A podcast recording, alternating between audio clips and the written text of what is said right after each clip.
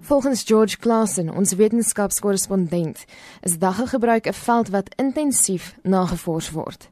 Hy sê een van die beste mediese databasisse om te raadpleeg is PubMed, waar meer as 20000 akademiese artikels hieroor bekombaar is.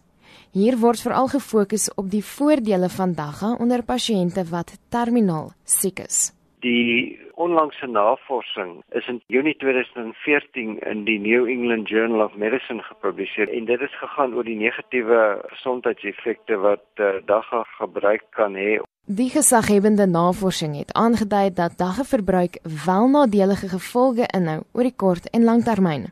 Korttermyn gebruik kan dit jou geheue aantas dit tas motoriese koördinasie aan en as dit in hoë dosisse gebruik word kan dit lei tot paranoia en psigose.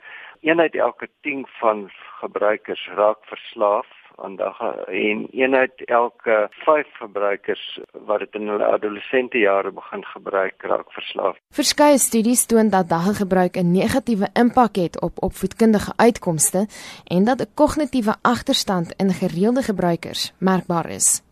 Maar in studies soos die, is die navorsers nie dalk bevooroordeel nie. Dis kliniese studies, dit voldoen aan al die vereistes van wetenskaplike navorsing.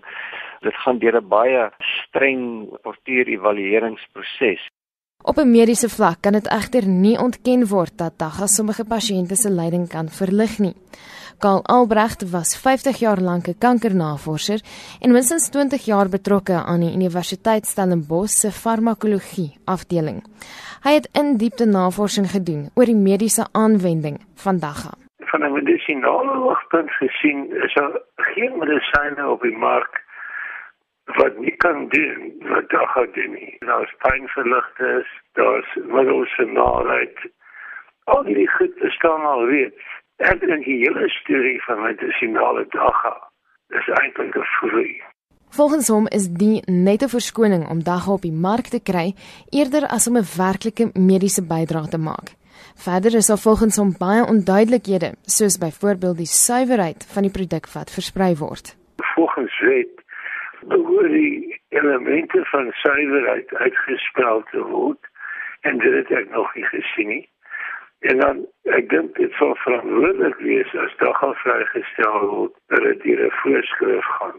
En hoewel daar verskeie suksesverhale op tradisionele en sosiale media platforms versprei word, glo Albrecht die wetenskaplike roete, die skryf van 'n akademiese artikel, is die enigste manier om gravitas te verleen aan die stories.